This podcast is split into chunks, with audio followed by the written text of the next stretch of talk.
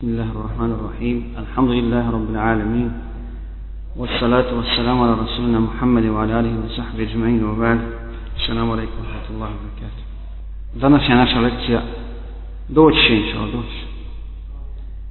Danas je naša lekcija iz Sirije vezana je za jednu od odlučujućih bitaka u istoriji Islama i pouke iz nje, a to je bitka na Hendeku ili bitka Al-Ahzab.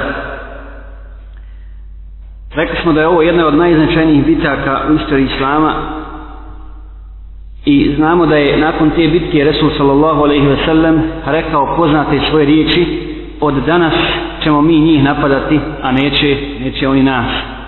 Dakle, dotle su mušici do, do tog trenutka, do tog datuma, do te bitke stalno napadali i bili su oni koji napadaju poslanika sallallahu alejhi ve sellem a od toga dana i posle te bitke poslanik sallallahu alejhi ve sellem je napadao mušrike nudeći im islam nudeći im Allahu Allahu vjeru na početku braća spomenut ćemo koji su bili povodi bitke na Hendeku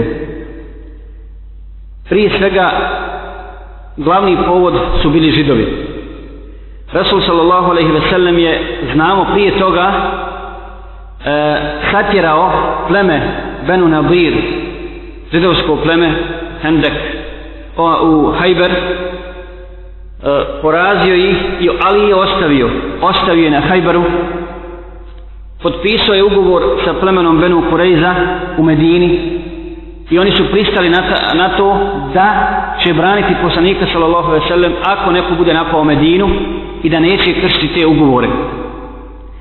Židovima je to puno smetalo, posebno kad su vidjeli da ekspanzija Islama napreduje, da se Islam širi, da poslanik sa veselem jača islamsku državu, da su mušici također poraženi, Židovi su skapavali od muke zbog toga i tražili su načina da naprave spletku, da okupe mušrike, da okupe sve one koji se protive islamu, da konačno završe s poslanikom sallallahu alaihi wa sallam. Dakle, nakon toga oni odlaze Kurejšijama. Odlaze Kurejšijama i ostalim plemenima u pustinji da ih nagovore i da ih postaknu na borbu e, i napad na Medinu, odnosno na muslimane u Medini. To je jedan od uzroka, odnosno povoda za ovu bitku. Drugi povod jeste bitka na Uhudu. Znamo da je Resul sallallahu alaihi ve sellem iako je izgubio, iako su muslimani izgubili ovu bitku, da je zaprijetio bio Ebu Sufjan da izišao s vojskom, da traži mušrike i da ih napadne u takvom, u takvom stanju o čemu smo jučer govorili.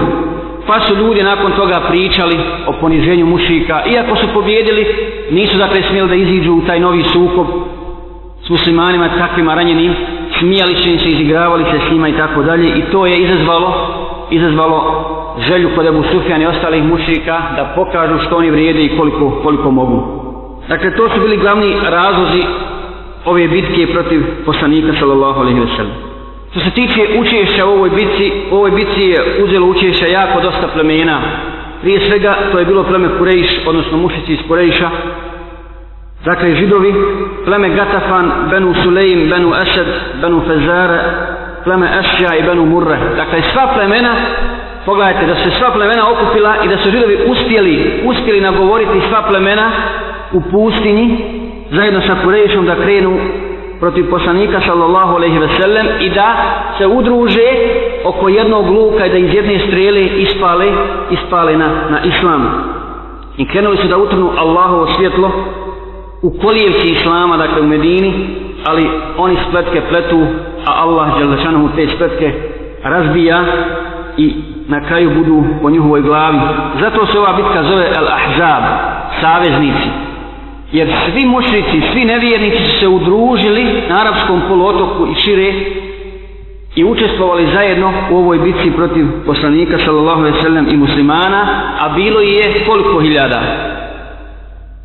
10.000, 10.000 vojnika su imali, a muslimani su brojali svega 3.000. Dakle, moći su krenuli s tolikom vojskom da je bilo više nego svi stanovnika Medine, i žena, i djeci, i svega ostalo. Dakle, bili su brojni od kompletnog stanovništva Medine. Resul sallallahu alaihi wasallam obavijestio ashabe. Ponovo, dakle, dolazi do izražaja šura. Resul sallallahu alaihi obavijestio ashabe o tome i stalno je pratio stanje. Imao je svoje izbjeglice koje nisu ni trena čekale, nego su pratile šta se dešava i znali su za taj pokret i kad su i za njihovo organiziranje za organiziranje židova židova i ostalih ostalih nevjernika pa Resul sallallahu alaihi sallam sazvao šuru na kojoj je bilo raznih prijedloga između ostaloga javio se i Salman al-Farisi koji je dao prijedlog da se iskopa hendek do tada nepoznat muslimanima nepoznat način ratovanja pa je rekao ja Rasulallah mi smo u Perziji kada bi se sukobi s nekim, ako bi bili u takvoj situaciji da bi, da bi nas napadni sa svih strana, iskopaj bi jarke kanale, široke i duboke, tako da vojska ne bi mogla preći, drugačije se ne možeš, ne možeš odbraniti. Poslaniku sa Vesom je sabima se svidi ovaj prijedlog i oni su, oni su to i uradili. Oni su to i uradili i kopali su jarak prije, prije nego, nego što će doći mušici i što će opkoliti Medinu poznate su, poznate su događaji iz tog kopanja, kopanja jarka i mnoge muđize se tu desile. Znamo da je prije svega sam Resul sallallahu alejhi ve sellem učestvovao u kopanju jarka. Učestvovao je u kopanju jarka zajed tako da prenosi jedan ashab kaže zem, tijelo mu je bilo svo prašnjevo od zemlje, nije se skoro ni vidjelo. Dakle izbacivo je zemlju nosio i kada mu je kada mu se Abu Talha požalio na glad i kada kada je zagrnuo svoj stomak, pa je poslanik sallallahu vidio kamen zavezan na njegovom stomaku, Resul sallallahu alejhi je zagrnuo također svoj vrtač i kod njega su bila dva kamena s kojima je svezao, s kojima se svezao da bi da bi da bi na taj način ublažio ublažio onaj glad. I Resul sallallahu alejhi ve sellem posticao muslimane u takvoj teškoj situaciji, pos, posticao je na kopanje rovova, pa je pjevao poznatu svoju kasidu, poznate stihove Allahumme la aisha illa aisha al-akhirah فارحم muhađin, al ansar val muhađira. Gospodar moj, nema života osim ahiretskog života. Zaista je ahiretski život istinski život. Pa se smiluj i oprosti muhađima i ansarijama. A šta su oni, kako su oni uzvratili poslaniku sa veselu?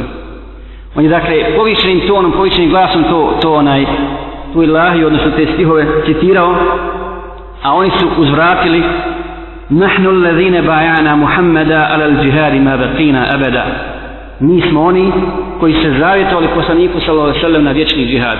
Na vječni džihad do smrti. Dakle, i kopali su hendek, pa su ashabi naišli na jednu veliku kamen. Naišli su na jednu veliku kamen i nisu mogli da je, nisu mogli da je, da je riješi. I Resul sallallahu alaihi ve sellem je sišao u rog i pukao je, udario jedan put u kamen i ona je se pretvorila u prašinu. Pretvorila u prašinu. Također pripovijeda Bera ibn Azib da je Resul sallallahu alaihi ve sellem, dakle u drugoj predaji se spominje, sišao da otkloni ili da razbije jedan kamen koji se ispriječio ashabima, oni nisu mogli to da urade, pa je jednim zamahom udario i odlomio jedan dio i rekao je Allahu Akbar dobio sam ključeve šama dakle već ih vidim u svojim rukama Allah Đelešanu mi je pokazao da će osvojiti šam drugi put je udario i odlomio se još jedan komad pa je rekao Allahu Akbar dati su mi ključevi Perzije dakle osvojit ću Perziju i treći put rekao je dobio sam ključeve, ključeve Jemena. To je dakle jedna od muđiza Rasula sallallahu alaihi ve sellem koja je obveselila, obveselila ashabe.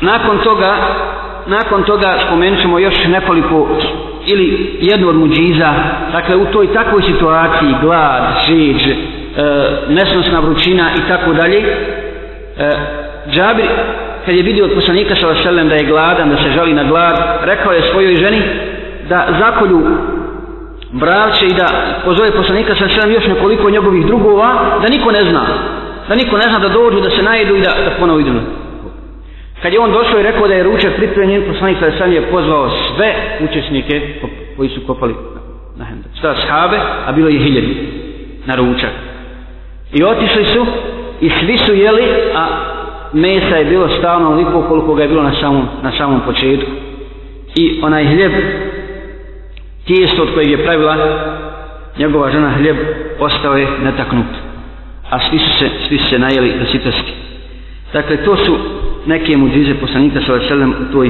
u toj bici e, poznata je stvar da, da je poslanik sallallahu alaihi vaselem ostavio žene i djecu u onim e, tvrđavama u Medini, dakle u gradu, na taj način je sklonuo. Međutim, mušli su ipak kad su opolili Medinu, kad su vidjeli te jarke, kad su vidjeli rove i prevaru, kad su vidjeli da su, da su prevareni, da ne mogu prijeći i tako lahko ući u Medinu, e, neki njihovi poznati junaci kao što je Amir ibn Abdul Wud, Ikrim ibn Džehl i tako dalje, ipak su uspjeli, uspjeli, uspjeli preskočiti. Pa je pred Amir ibn Abdul Wudda kojega se bojali muslimani, i žene su čak, i, i djeca, svi su ga se bojali, bio poznati, u Kurejše, Kurejše je poznati njihov junak, izišao je a pred njega izišao Alija radijallahu ta'ala kao pješak i sukao je svoju sablju pa mu je rekao ovaj Amr ibn Abdul Hud ja sam prijatelj svojima bio od prije i ne želim tebe da ubijem nego skloni se ti nek iziđe neko drugi Ali je rekao tako mi Allaha ja želim tebe da ubijem i prišao, prišao mu je prišao mu je oborio ga s njegovog konja i ubio ga. A Ikrime je pobjego, Ikrime je Mdžahli pobjego, tako da je zaboravio na svoje oružje, koplje mu i ostalo na drugoj strani. Dakle, e, Resul sallallahu alaihi ve sellem je na takav način napravio zaštitu A židovi, ono što je vrlo interesantno i oko toga hoćemo ovdje se zadržimo, židovi su došli kod Benu Kureiza. Dakle, Benu Kureiza je ostao tu. Deset hiljada je sa strane došlo mušika i opolili Medinu. Benu Kureiza su na, po, potpisali ugovor s poslanikom sallallahu veselne.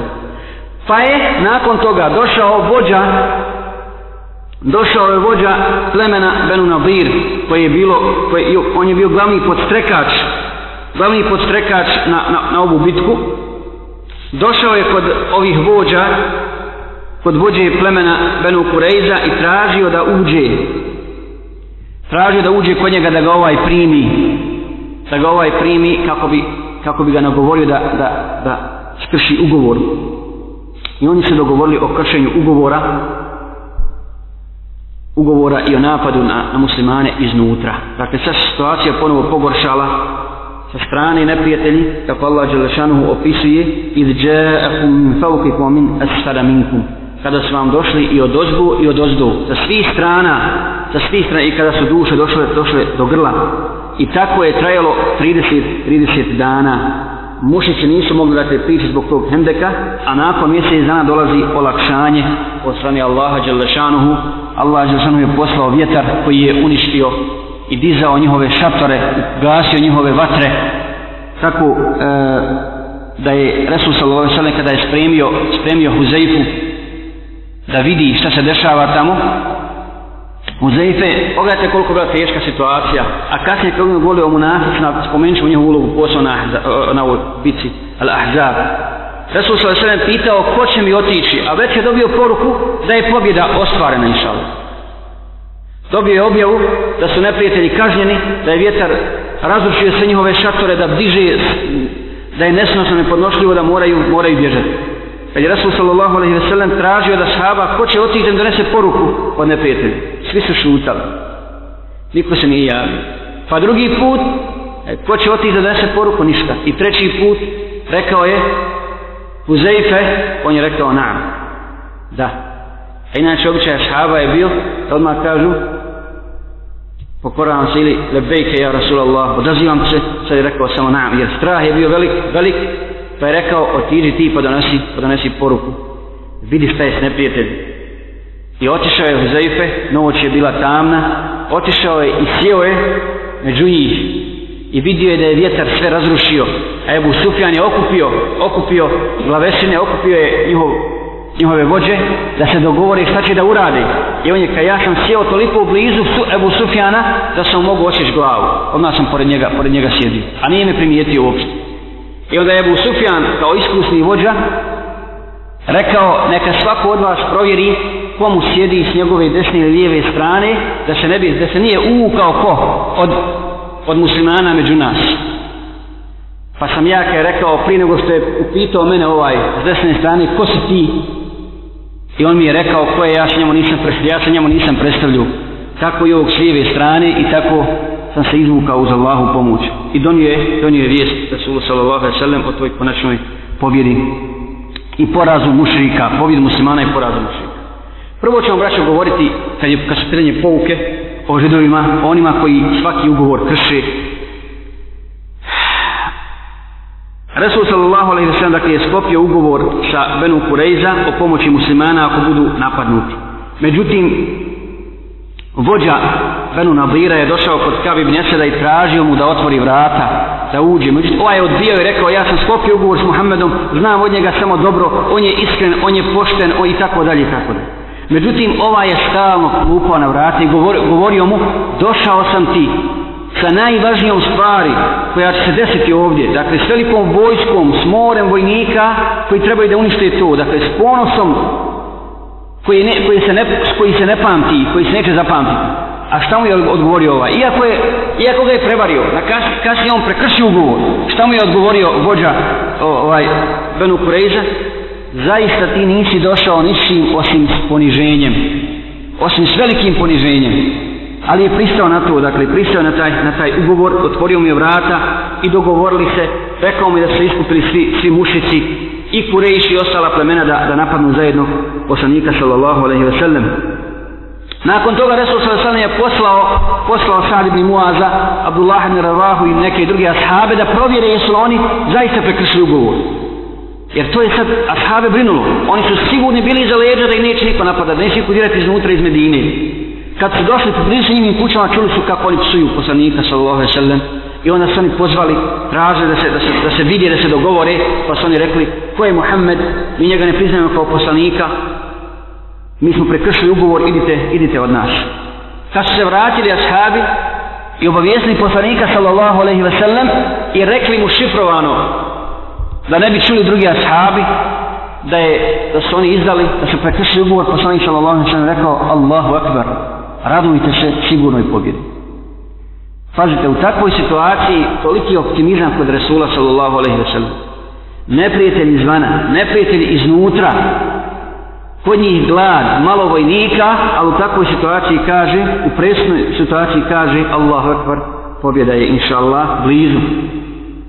Drugo zbog čega želimo objasniti, braćo, spletku židova i njihov položaj, jeste ono što Allah Đelešanom o njima govori ono što Allah će, da bi mi, da bi nama bilo jasno zaista ko su židovi. Često puta danas ljudi govore, među muslimanima, što se samo o židovima govori? Što se samo o njima priča? Dobro, i židovi pišani su isti neprijatelji islama. Jednako je to. Ali nema većih zlotvora, nema, nema e, gorih ljudi, gorih stvorenja na zemlji od židova. Evo dokaze iz Kur'ana. Kaže Allah za židove. وقالت اليهود يد الله مغلوله I kažu, kažu židovi, Allahova ruka je štisnuta. Gullet ajdihim wa lu'inu bima kalu, bel je dahuma bi sultatan. Štisnute ruke njihove su i prokleti neka su zbog onoga što oni, zbog onoga što oni govore. Dakle, to govorimo s parma njihove akide. Oni u to vjeruju. Oni to ne govore džaba. Oni kažu i vjeruju da je Allahova ruka štisnuta. Ne uzubi. Dakle, to je njihova akida židovska jedna od drugih jedna od tačaka ima ide jeste takođe kad kažu inna Allaha faqirun wa nahnu agniya Allah je siromašan a mi smo bogati Allah je siromašan a mi smo mi smo bogati ta'ala Allahu amma qalu uluban kabira Allah je zaista visoko od onoga iz onoga što oni govore treća tačka ima ove akide koju Allah što spominje u Kur'anu da bi vjernici izvukli pouku jeste va qalatil jehudu uzeirun ibnullah i kažu idovi uzeiri Allahov sin kao što kršćani kažu Isa je Allahov sin židovi kažu ne uzubillah zeri Allah, uzeri Allahov sin zatim vratimo se malo židovima u vrijeme Musa i Hišalama isto, istog vakta šta je uradio faraon sa židovima protjerivo je Allah Đelešanu govori o tome ubio im je mušku djecu a ostavljao je živu, živu žensku djecu protjerivo, klao, silovao e, nema šta im nije radio i na kakve i muhe nije stavljao dolazi Musa alaihi selam dolazi Musa alaihi selam kao Allahov poslanik i izbavlja židove izbavlja židove iz tog, iz tog stanja i jesu li zahvalili Allahu Đelešanu nakon toga jesu li na toj velikoj blagodati koju je Allah Đelešanu podario preko poslanika Musa alaihi selam nakon što je Allah Đelešanu izbavio i spasio ih spasio ih faraona rekli su šta uzina min qabli an ta'tiyana wa min ba'di ma ji'tana mi smo ezijećeni i napadani i prije nego što nam došao a i nakon što si poslat kao poslanik dakle za njih je to sve isto sve isto mi smo bili u istom stanju i prije tebe i sad smo u istom stanju a nije, nisu, bili, nisu bili u istom stanju a zar postoji odvratni govor na sve što, što im je učinio Musa Reisan i kad su prešli preko mora šta su rekli Kad je Allah, vidjeli su, vidjeli su more pred sobom. Vidjeli su neprijatelja za sobom. I rekli su, nema nam spasa. Nema nam spasa, sad smo gotovi. Ali je rekao Musa alaih salam, inne ma'i rabbi se jehdi. Samo mi je moj gospodar i on će me, on će me sigurno putiti, napravi, on će me spasiti i pomoći. I kad je Allah želom spasio i kad su prešli more, jesu li činili seđu zahvale Allahu Đalešanu? Jesu li pali na seđu i kazali, Ja rab tebi hvala što se nas spasio, što izbavio i tako dalje. Šta su rekli? Kalu ja Musa iđa'al lana ilahan kama lahum aliha. O Musa, učini iti nama, našli tamo ljude mušrike na drugoj obali. Koji sklani ekipovim, pa su rekli, o Musa, načini iti nama bogove kao što nimaju, kao što nimaju božanstva, pa da se, pa da se njima klanjamo. Dakle, zahvala na ovaj nijemet od strane Allaha, žele se onaj širk, širk Allahu, žele se anuhu. Dalje, zatim je došao Samir, Samiri, koga Allah žena spominje u Kur'anu i kaže, šta je rekao židovima? Hada ilahukum, napravio je tele, koje je rikalo. Kad, kad vjetar najiđe, dakle pokupio je zemlju kako stojite u sirima ispod, ispod uh, Džibrila, ali i Sanama, i napravio je tele, zlatno telo koje je bilo šupe i vjetar kad najiđe ispada kao da, kao da riječe. Rekao je šta? Hada ilahukum wa ilahu Musa fenesije ovo je vaš Bog i Bog Musa, samo je on zaboravio. Samo je Musa zaboravio. Dakle, pripisali su Musa Islamu zaborav, zaborav i zabludu. I nisu stali tu, pa su tražili druge stvari. Kad je Allah će začano počastio svim blagodatima, svim blagodatima, šta su rekli? Ja Musa, len nasbir ala ta'amin wahidin fad'u lana rabbek yukhrij lana mimma tunbitu l-ardu min bakliha wa kitha'iha i tako dalje. E, o Musa, mi ne možemo trpiti više jednu hranu. Allah Želešanu im je dao prepelice, najukusnije meso i manu. U Kur'anu se spomenu, kažu u Fesu da je to medna rosa. Medna rosa, izi, izutra izićeš, ona padne na večer. Izutra izićeš i kao strave, nakupiš poput meda. Nakupi, koliko god hoćeš. A od nje se moglo praviti jako mnogo jela.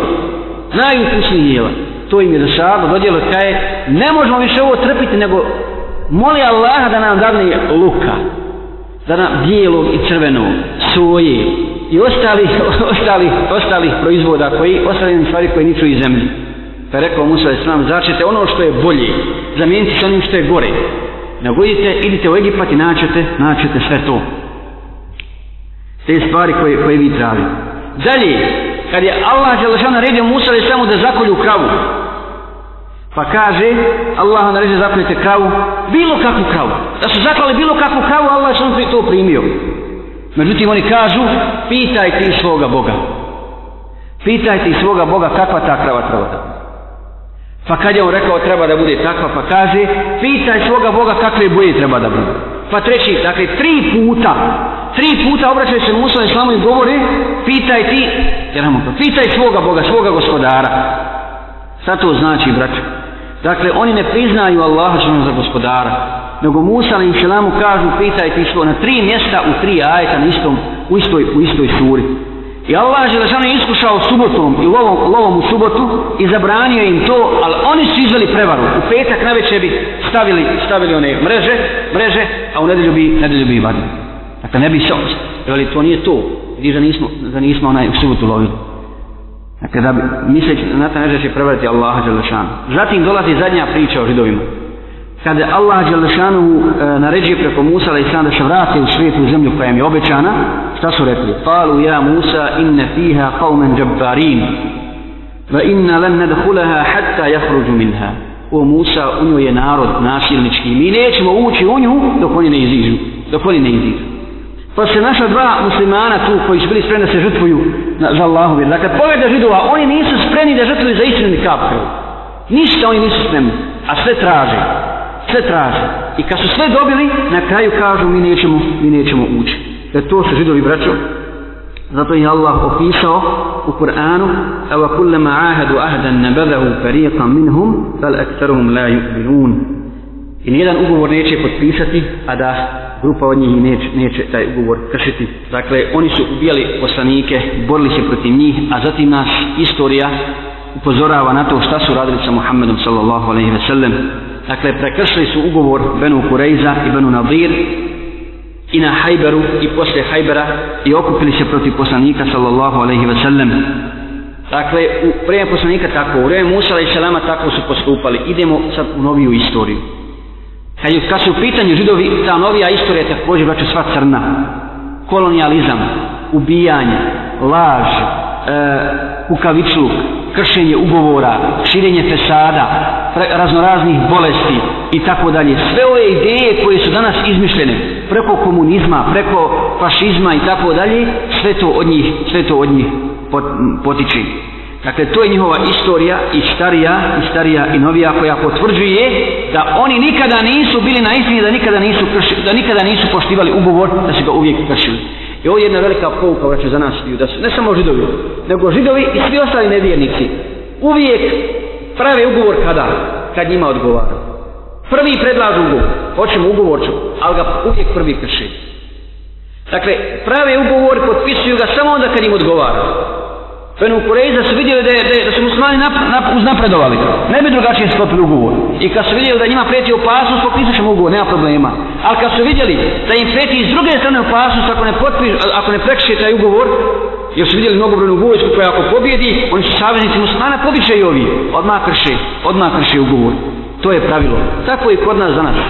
Tako je kod nas. Pogledajte, koliko smo mi pregovora i ugovora imali sa, sa, sa, sa kršćanima, sa, E, katolicima i krivoslavcima u toku rata pa posle rata i oni stalno krše ugovore a mi vazano je potpisuju potpisuju oni da i to nije potpisan ni zbog drugog nego zbog toga što su oni bili u krizi vallahi bili u krizi da nisu bili u krizi ne bi tražili potpisivanje ugovora ne bi tražili potpisivanje ugovora nego kad si ti ojačo on onda traži potpisivanje ugovora Kad te je dobio, kad te je dobio posle toga, on kroz taj ugovor traži da se ostvara njihov cilj, opet ga krši. Na svakom koraku, na svakom mjestu, a ti, a ti to ne smiješ učiniti.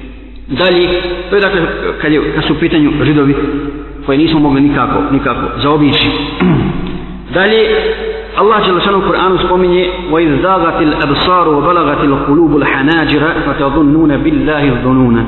Hunalika hunalika bitulya al-mu'minuna wa zulzilu zilzalan shadida kaže i kada su vam srca došla do grla kada su vam srca došla do grla i kada ste o Allahu svašta pomišljali kada ste o Allahu svašta pomišljali Allah, tu, tu je Allah Đelešanu iskušao mu'mine zaista velikim iskušenjem pogledajte kako Allah Đelešanu govori da, o, o tom iskušenju kad Allah kaže da su došla srca gotovo u grla a nema više izlaza to je zaista tako i mi to ne možemo čak i zamisliti još gore ali to je vrhunac, iskuše, vrhunac iskušenja vrhunac iskušenja je to o kojem mi ne razmišljamo i ispiti iskušenje su dakle sunnet od Allaha Đalešanuhu i mumini moraju biti iskušani kako kaže uzvišeni alif la mim hasiban nasu an yutraku an yakulu amanna vahum la yuftanun zar misle ljudi da će biti ostavljeni a da ako kažu mi vjerujemo a da neće, a da neće biti iskušani braćo mi živimo u vremenu kad su se povećala iskušenja i pesad, mi živimo danas u najvećim iskušenjima zbog naše akide u našim državama, jer vidimo da se oni koji prihvate istinsku akidu, koji se vrate vjeri, bivaju izloženi najvećim iskušenjima, oni se ubijaju i na istupu i na zapadu i ponižavaju na svakom koraku, na svakom mjestu. Zar to nije fitnet? Zar to nije iskušenje? Dakle, to je dokaz da se ponavlja Allahov sunnet i da on neće prestati do sudnjega dana dok konačno ne pobjedi Allahova istina. I mi moramo ustrajati i izdržati onako kako su izdržali ashabi u bitci na Ahzabu. Zlo i kufr i njihovi sjedbenici, bez obzira koliko bili međusobno podijeljeni i u neprijateljstvu, kad je u pitanju islam, lahko se složi da ga napadnu. Lahko se složi da ga napadnu. Dakle, istorija se ponavlja. Danas nemamo ta imena e, plemena kao su Gatafan, Benu Eser i tako dalje i tako dalje, ali imamo iste te ljude, ne iste ljude, nego iste ideje, iste akide. Ako su na kufru, lahko se udruže protiv muslimana. A inače nisu zajedno. Nisu zajedno. Allah je sam nas o tome pozorava pa kaže Tahsebuhum džemija wa kulubuhum šeta. Vi mislite ili ti misli da su oni zajedno, ali su njihova srca razdvojena njihova srca su razdvojena, njih je ujedinio lični interes. Međutim, međutim, iako su razjedinjeni, iako četnici i ustaše međusobno ratuju, međusobno se ubijaju i ne vole se, istočna crkva ne voli zapadnu crkvu. A istog su korijena. Kad je u pitanju napad na islam, lahko se udruži. Lahko se udruži. Tako, pomažu, tako se zajedno pomažu u Čečeniji, tako se zajedno pomagali ovdje u Bosni i na svakom drugom mjestu svi saveznici, svi se. I stalno umet kako je ostavio Kur'an i Sunnet je stalno u bitci na Ahzabu. Stalno je Ahzab, saveznici stalno udruženi protiv, protiv muslimana, a oni nikako da se opomine da se vrati svojoj svojo vjeri. Dakle, spomenuli smo da je Resul sallallahu alaihi wa sallam sam učestvovao u kopanju, u kopanju Hendeka, E, želimo e, ovdje da istaknemo još jednu stvar koju smo zaborali spomenuti. A to je događaj s jednim mladićem koji se zvao kako? Koji je iskoristio, koji, pored što, toga što je Allah šanom dao vjetar i uništio na taj način mušike, šta se prije toga desilo? Šta se prije toga desilo? Kako se zvao taj čovjek?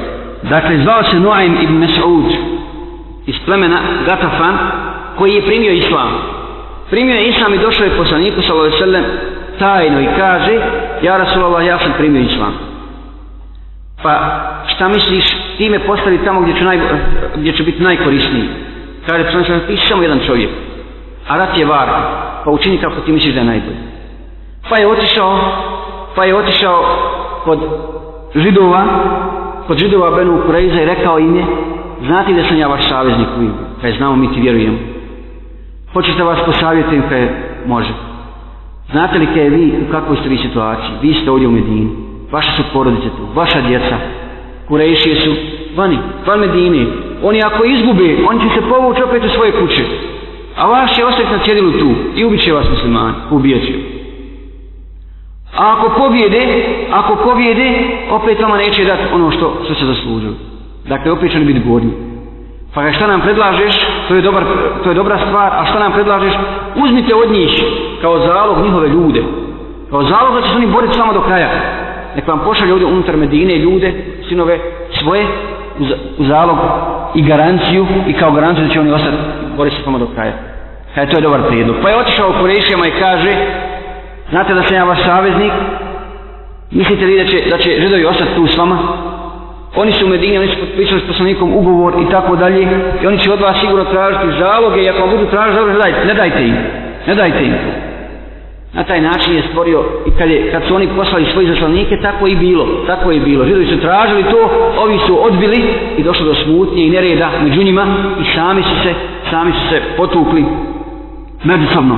Dakle, pogledajte koliko, koliko je jedan, jedan musliman učinio i doprinio da, da, da izhod bitke bude u korist, u korist muslimana i pouka je pouka je ovdje u, u ovoj stvari da se neprijatelju ne smije vjerovati ne smije vjerovati makoliko on bio iskren makoliko iskreno govorio dakle to je pouka borba je i hoće neprijatelj da ubaci, da ubaci. Danas to pokušavaju. Pogledajte koliko među muslimane, među raznorazni džemate, koji su okviraju da se džemata. Koliko ima munafika, koliko ima neprijatelja, čak otvorenih kjafira koji hoće da ubaci među nas nered, smutnju, da nas razvoji, da nas razdijeli. Ali mi, mi se moramo vratiti na ovu. Zato je sira pouka. Došao je neprijatelj, naš neprijatelj, iskreno nam govori neke stvari čak možda su one istina, ti mi kad bi iskontali, kad bi vidjeli poslije stvarne su, tako je. Međutim, ne može na neprijatelj dijel pleći, ne može on uspostavljati red, ne može neko koje sa, sa, sa strane doći kao pa uspostavljati red u tvojoj kući i govoriti, e znaš koje dijete, nije dobro, nije uredno nego postupi tako da bi, da bi tvoju porodicu razrušio i uništio. Jer on ne želi tebi dobro s tim svojim potezom. Spomenut ćemo također brat, braćo i šuru dogovaranje ponovo. Ponovo. I jedan propis vezan za šuru. Dakle, jedan fikski propis koji je vezan za šuru. Eh, ovdje obavezno, kad je u pitanju šura, to nismo spominjali, napraviti razliku između šura i parlamenta. Između šura i parlamenta. Ima ljudi koji danas zagovaraju da muslimani mogu ući u parlament. Da mogu ući u parlament. Ali i da je to isto. Koji se vječuju šuru i parlament. E zar to nije jedna? Nije jedna. Nema šura. Postoje dva šarta kad je u pitanju šura. Da bi se, da bi se jedan međlis mogao zvati šurom, dogovornim liječem, mora ispunjavati dva šarta. Prvo, nema šure i nema dogovaranja oko onoga, oko onoga oko čega postoji jasan tekst Kur'ana i Sunnet. Tu se ne dogovara. Rekao je Allah, rekao je poslanik, ne možemo mi sad u parlamentu raspravljati na šure, hoćemo tako postupiti, nećemo tako. Tako se mora postupiti. Tako se mora postupiti. Dalje, u šuri moraju učestvovati, kako, kako islamski učenjaci kažu, ahlul halli wal aqd, oni koji su dosljedni da, uči, da učestvuju u njoj. Dakle, učenjaci, šarijetski učenjaci, ljudi koji poznaju, po, poznaju istinu, poznaju islam, poznaju stvarnost, najrasporediti stvari, a danas nije tako. U parlamentu nije tako. U parlamentu učestvuju i židovi, i kršćani, i ne, najveće neznalice koje njemi nikakve veze, nikakve veze o islamu. I sad, pogledajte, ako nema jednog od ovog ša, od, od, od, od iša, ne može se, ne može se to nazvati šurom, Može biti parlament, a u parlamentu, pogledaj, mi moramo, dakle, se, e, ne smijemo razgovarati o stvarima o kojima je došao jasan tekst. Tu nema dogovora, a u parlament se razgovara danas, ili alkohol, haram, u islamskim državama, ne samo kod nas, kod nas se ne razgovara, kod nas je tu halal davno poslu. Je alkohol haram ili nije haram? Je li e, uh, ovo halal ili, ili ovo haram i tako dalje? Hoćemo ga dozvoliti, nećemo dozvoliti. Ne samo to, nego se u parlamentu raspravlja, hoćemo suditi po Allahom zakonu ili nećemo i onda se ide na glasanje, ide se na glasanje. Pa ako pobjedi, ako bude više glasova onih koji kao da je protiv, da, da, da, da ne treba sud po lahom zakonu, neće se sud po lahom zakonu. Dakle, to je razlika između sure i parlamenta.